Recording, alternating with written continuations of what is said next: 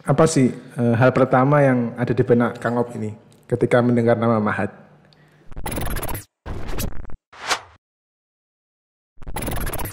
Assalamualaikum warahmatullahi wabarakatuh. Selamat sore teman-teman semua.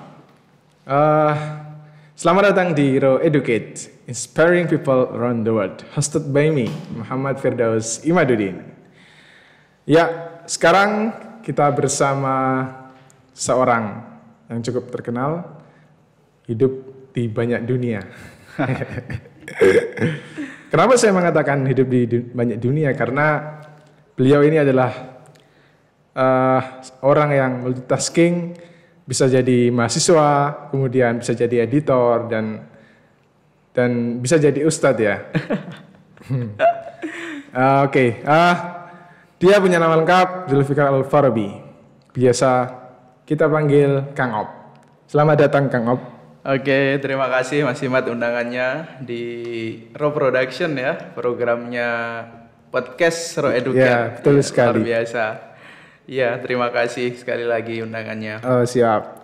Eh, dengar-dengar Kang Op ini eh, suka sekali ya hidup di Mahat ya. Apa sih eh, pentingnya Mahat buat Kang Op ini?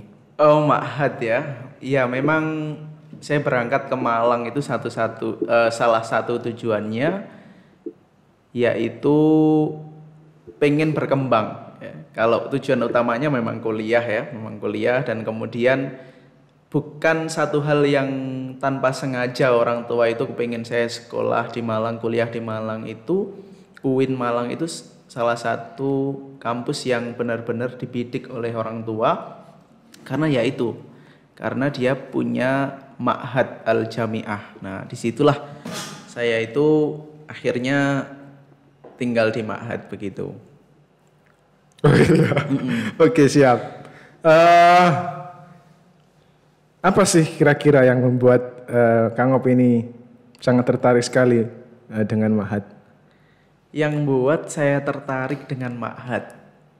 Pertama begini, saya itu sekolah dulu juga di pesantren kebetulan ya. Terus dari mulai kecil gitu maksudnya sampai saya selesai lulus SD itu saya saya masuk di pesantren kemudian sampai eh, sanawiyah, aliyah begitu. Nah, budaya inilah yang saya itu akhirnya menjadi terbiasa kemudian lingkungan-lingkungan yang banyak orang banyak santri ya ta- tanda kutip kalau mahasiswa mahasantri begitu itu yang membuat saya sangat senang Oke, gitu oke. Apa sih eh, hal pertama yang ada di benak Kang Op ini ketika mendengar nama Mahat? Hmm, begini kampus yang punya asrama itu mungkin banyak tapi kampus yang punya asrama dan ada programnya dan programnya itu luar biasa itulah yang membuat saya benar-benar akhirnya tertarik begitu. Pertama saya tidak pernah tahu apa itu Ma'had gitu Win Malang saya belum pernah dengar sebelumnya. Tapi dikasih penjelasan oleh ibu waktu itu ada Ma'hadnya Ma'hadnya bagus kayak gitu. Ya kayak pondok tapi pondoknya itu modern. Nah Modern itu ya, modern. itu yang bikin saya tergerak penasaran. Akhirnya survei tahun 2013 saya survei Hmm. dulu sebelum pendaftaran 2014 saya baru daftar dan alhamdulillahnya keterima begitu Oh begitu. saya keterima di UIN Malang dengan jurusan pendidikan bahasa Arab alhamdulillahnya relevan dengan Ma'had begitu kan Iya, iya, ada iya. pendidikan bahasa Arab juga di Ma'hadnya Oke. itu Mas Yamat yang bikin saya tertarik Siap. dengan Ma'had gitu Eh, terus ketika Kang Op sudah diterima ini, Heeh. kemudian eh, pergi ke Malang dan menginjakkan kaki di Win Malang. Mm-mm. Waktu itu gimana perasaan Kang Op pertama kali masuk Mahat? yang jelas orang yang paling seneng itu selain saya ibu. Mm-mm. Ibu itu begini dulu ceritanya gini, Le, kamu pokoknya nanti habis lulus dari pondok langsung kuliah di UIN Malang, masuk Ma'had begitu. Saya tidak membayangkan ya kalau ternyata setelah itu pendaftaran jalur masuk kuliah itu ada sekian banyak dengan sekian macam eh, dinamika. Jalur ya, banyak eh, jalur dinamika pendaftarannya, ada tes segala macam itu tidak terfikirkan oleh saya. Ya pokoknya saya bahasa pondoknya sami nawa atau nah begitu. Pokoknya Oh, manut, iya, iya, iya. madep, mantep gitu kepada ibu waktu itu yang benar-benar jadi pertimbangan besar. Ya sudah, saya ke Malang, survei, langsung ikut pendaftaran itu satu saja. Dua sebenarnya ada kampus satu lagi yang saya diterima itu di UM. Hmm. Tapi karena UIN Malang ada mahatnya, seperti cita-cita awalnya ya sudah. Akhirnya saya Oh, iya, masuk ke iya. mahat. Begitu ceritanya Mas Iman. Siap. Heeh. Eh, lalu tapi sebelumnya udah pernah mondok ya? Udah pernah mondok ya Eh, sebelum masuk pernah Mahat ya? mondok. Betul, saya sudah pernah mondok dari Sanawiyah Ah. alias saya pondok waktu itu. Ya kira-kira menurut Kang Op ini apa sih perbedaan ketika mondok dulu dan setelah uh, berada di Mahat gitu? Begini, mondok itu dengan di Ma'had itu sebenarnya sama saja. Kegiatannya itu hampir persis ya.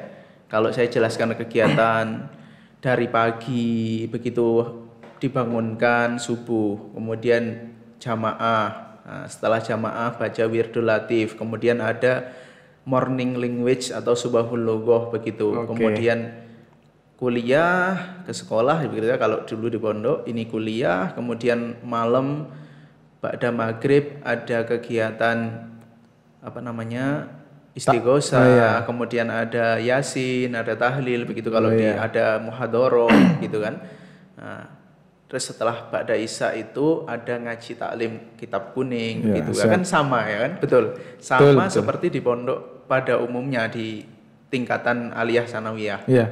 Tapi yang berbeda di sini Mas Imad, Ma'had itu punya satu lingkungan yang lebih levelnya itu mungkin ya, lebih tinggi lagi. Artinya begini, kebebasan yang kita tidak dapatkan dulu di pondok tingkatan sanawiyah aliyah, itu kita dapatkan di di, Di Ma'had, ya? Ma'had Win Malang. Jadi kalau dulu kita nggak boleh bawa HP, nggak bisa bawa laptop, nggak bisa keluar.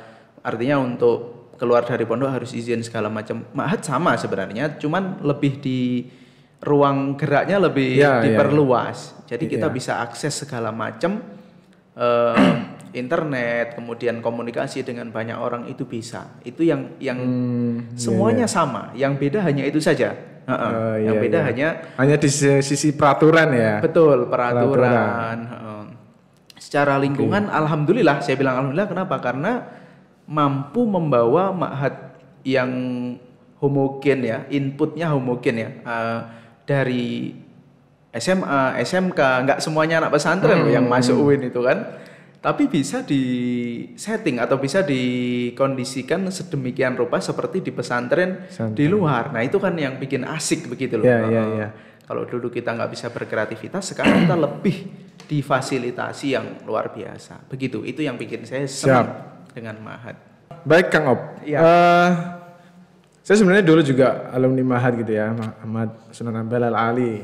Saya tahu juga sampai ini orang yang kreatif juga di Mahat. Artinya kita sama-sama orang yang punya keinginan besar terhadap perkembangan dan kemajuan Mahat begitu ya, saya kira. Iya. Nah, hari ini ya mungkin kita sekarang posisinya sudah berbeda tempat gitu ya. Sampean benar-benar memperjuangkan kreativitas di luar, Betul. ada kegiatan videografi, fotografi begitu ya. Saya itu sebenarnya punya kecenderungan yang sama dalam bidang seni. Saya itu orang yang yang suka sekali dengan seni. Tapi lebih ke seni rupa, katakanlah gambar atau Oh, mungkin video iya, iya, dan iya. seterusnya. Kalau cita-cita saya di Ma'had itu sebenarnya eh, ya tidak ada ya sebenarnya kaitannya dengan itu sebenarnya. Tapi begini mas, apa hal apa yang yang saya ingin mengangkat hal itu tadi tentang kesenian itu. Jadi Ma'had Win Malang itu yang saya lihat adalah Ma'had yang besar dengan keragamannya. Nah, besar dengan masyarakatnya yang majemuk gitu ya, yang homogen, maka Ma'had itu menjadi besar. Begini, saya analogikan Ma'had ini sebagai eh, sebuah apa ya? Tim, teamwork atau mungkin sebuah geng gitu ya. Nah, kalau seandainya bukan geng ya, maksudnya sebuah kelompok orang yang di mana ketika masing-masing punya skill yang berbeda, maka sama-sama bisa mengembangkan Ma'had. Hmm, Nah, ya. yang saya kepingin dari Ma'had itu ya, kita tetap terbuka. Kita jangan pernah menjadi Ma'had yang tertutup, jangan pernah menjadi ma'had yang hmm, eksklusif, maksudnya tidak terbuka untuk semua orang. Saya kepingin ma'had ini terbuka untuk semua orang, baik dari kalangan santri, baik dari kalangan akademis, baik dari kalangan eh, apa ya istilahnya ya, para kreator atau para seniman begitu ya. Ya. Nah, maksud saya begini, eh, bagaimana sekiranya ma'had itu tetap bisa merangkul ya orang-orang atau teman-teman. Kalau saya eh, menembaknya atau mentargetnya ini kepada seluruh mahasantri, adik-adik mahasantri itu bagaimana semua organisasi intra apa organisasi ekstrakurikuler di Mahat itu kita naungi atau kita pupuk bagaimana mereka berkreativitas, bagaimana mereka eh, punya kegiatan-kegiatan yang luar biasa gitu ya, tanpa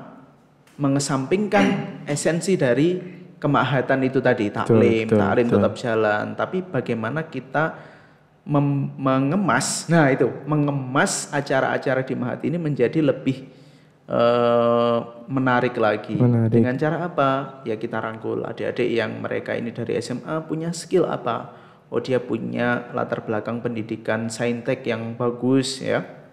Kita ketengahkan itu. Ya. Kemudian teman-teman dari SMK multimedia katakan ada ada kegiatan eh, mereka yang punya skill lebih di bidang lain ya selain ketakliman kita ketengahkan. Nah, kita rangkul semuanya. Akhirnya apa? Mahat menjadi modern, punya fasilitas yang bagus dan juga punya kreativitas yang luar biasa. iya, iya. Nah, begitu maksud saya. Siap, siap. Berarti eh, Kang Obi ini eh, adalah orang yang nantinya me- menjadi pionir ya untuk mewujudkan Mahat ini menjadi media, tempat atau wadah untuk eh, mengembangkan kreativitas mahasantri. Di samping juga pastinya eh, tetap menjunjung tinggi nilai-nilai spiritual, kemudian nilai-nilai akhlak dan seterusnya. Akan tapi Kang Obi ini eh, nantinya bakal eh, akan mengusahakan ini, mengusahakan bagaimana Ma- Mahat ini juga bisa memproduksi kader-kader dan generasi eh, milenial yang kreatif, produktif dan inovatif ya seperti itu ya Kang Obi ya.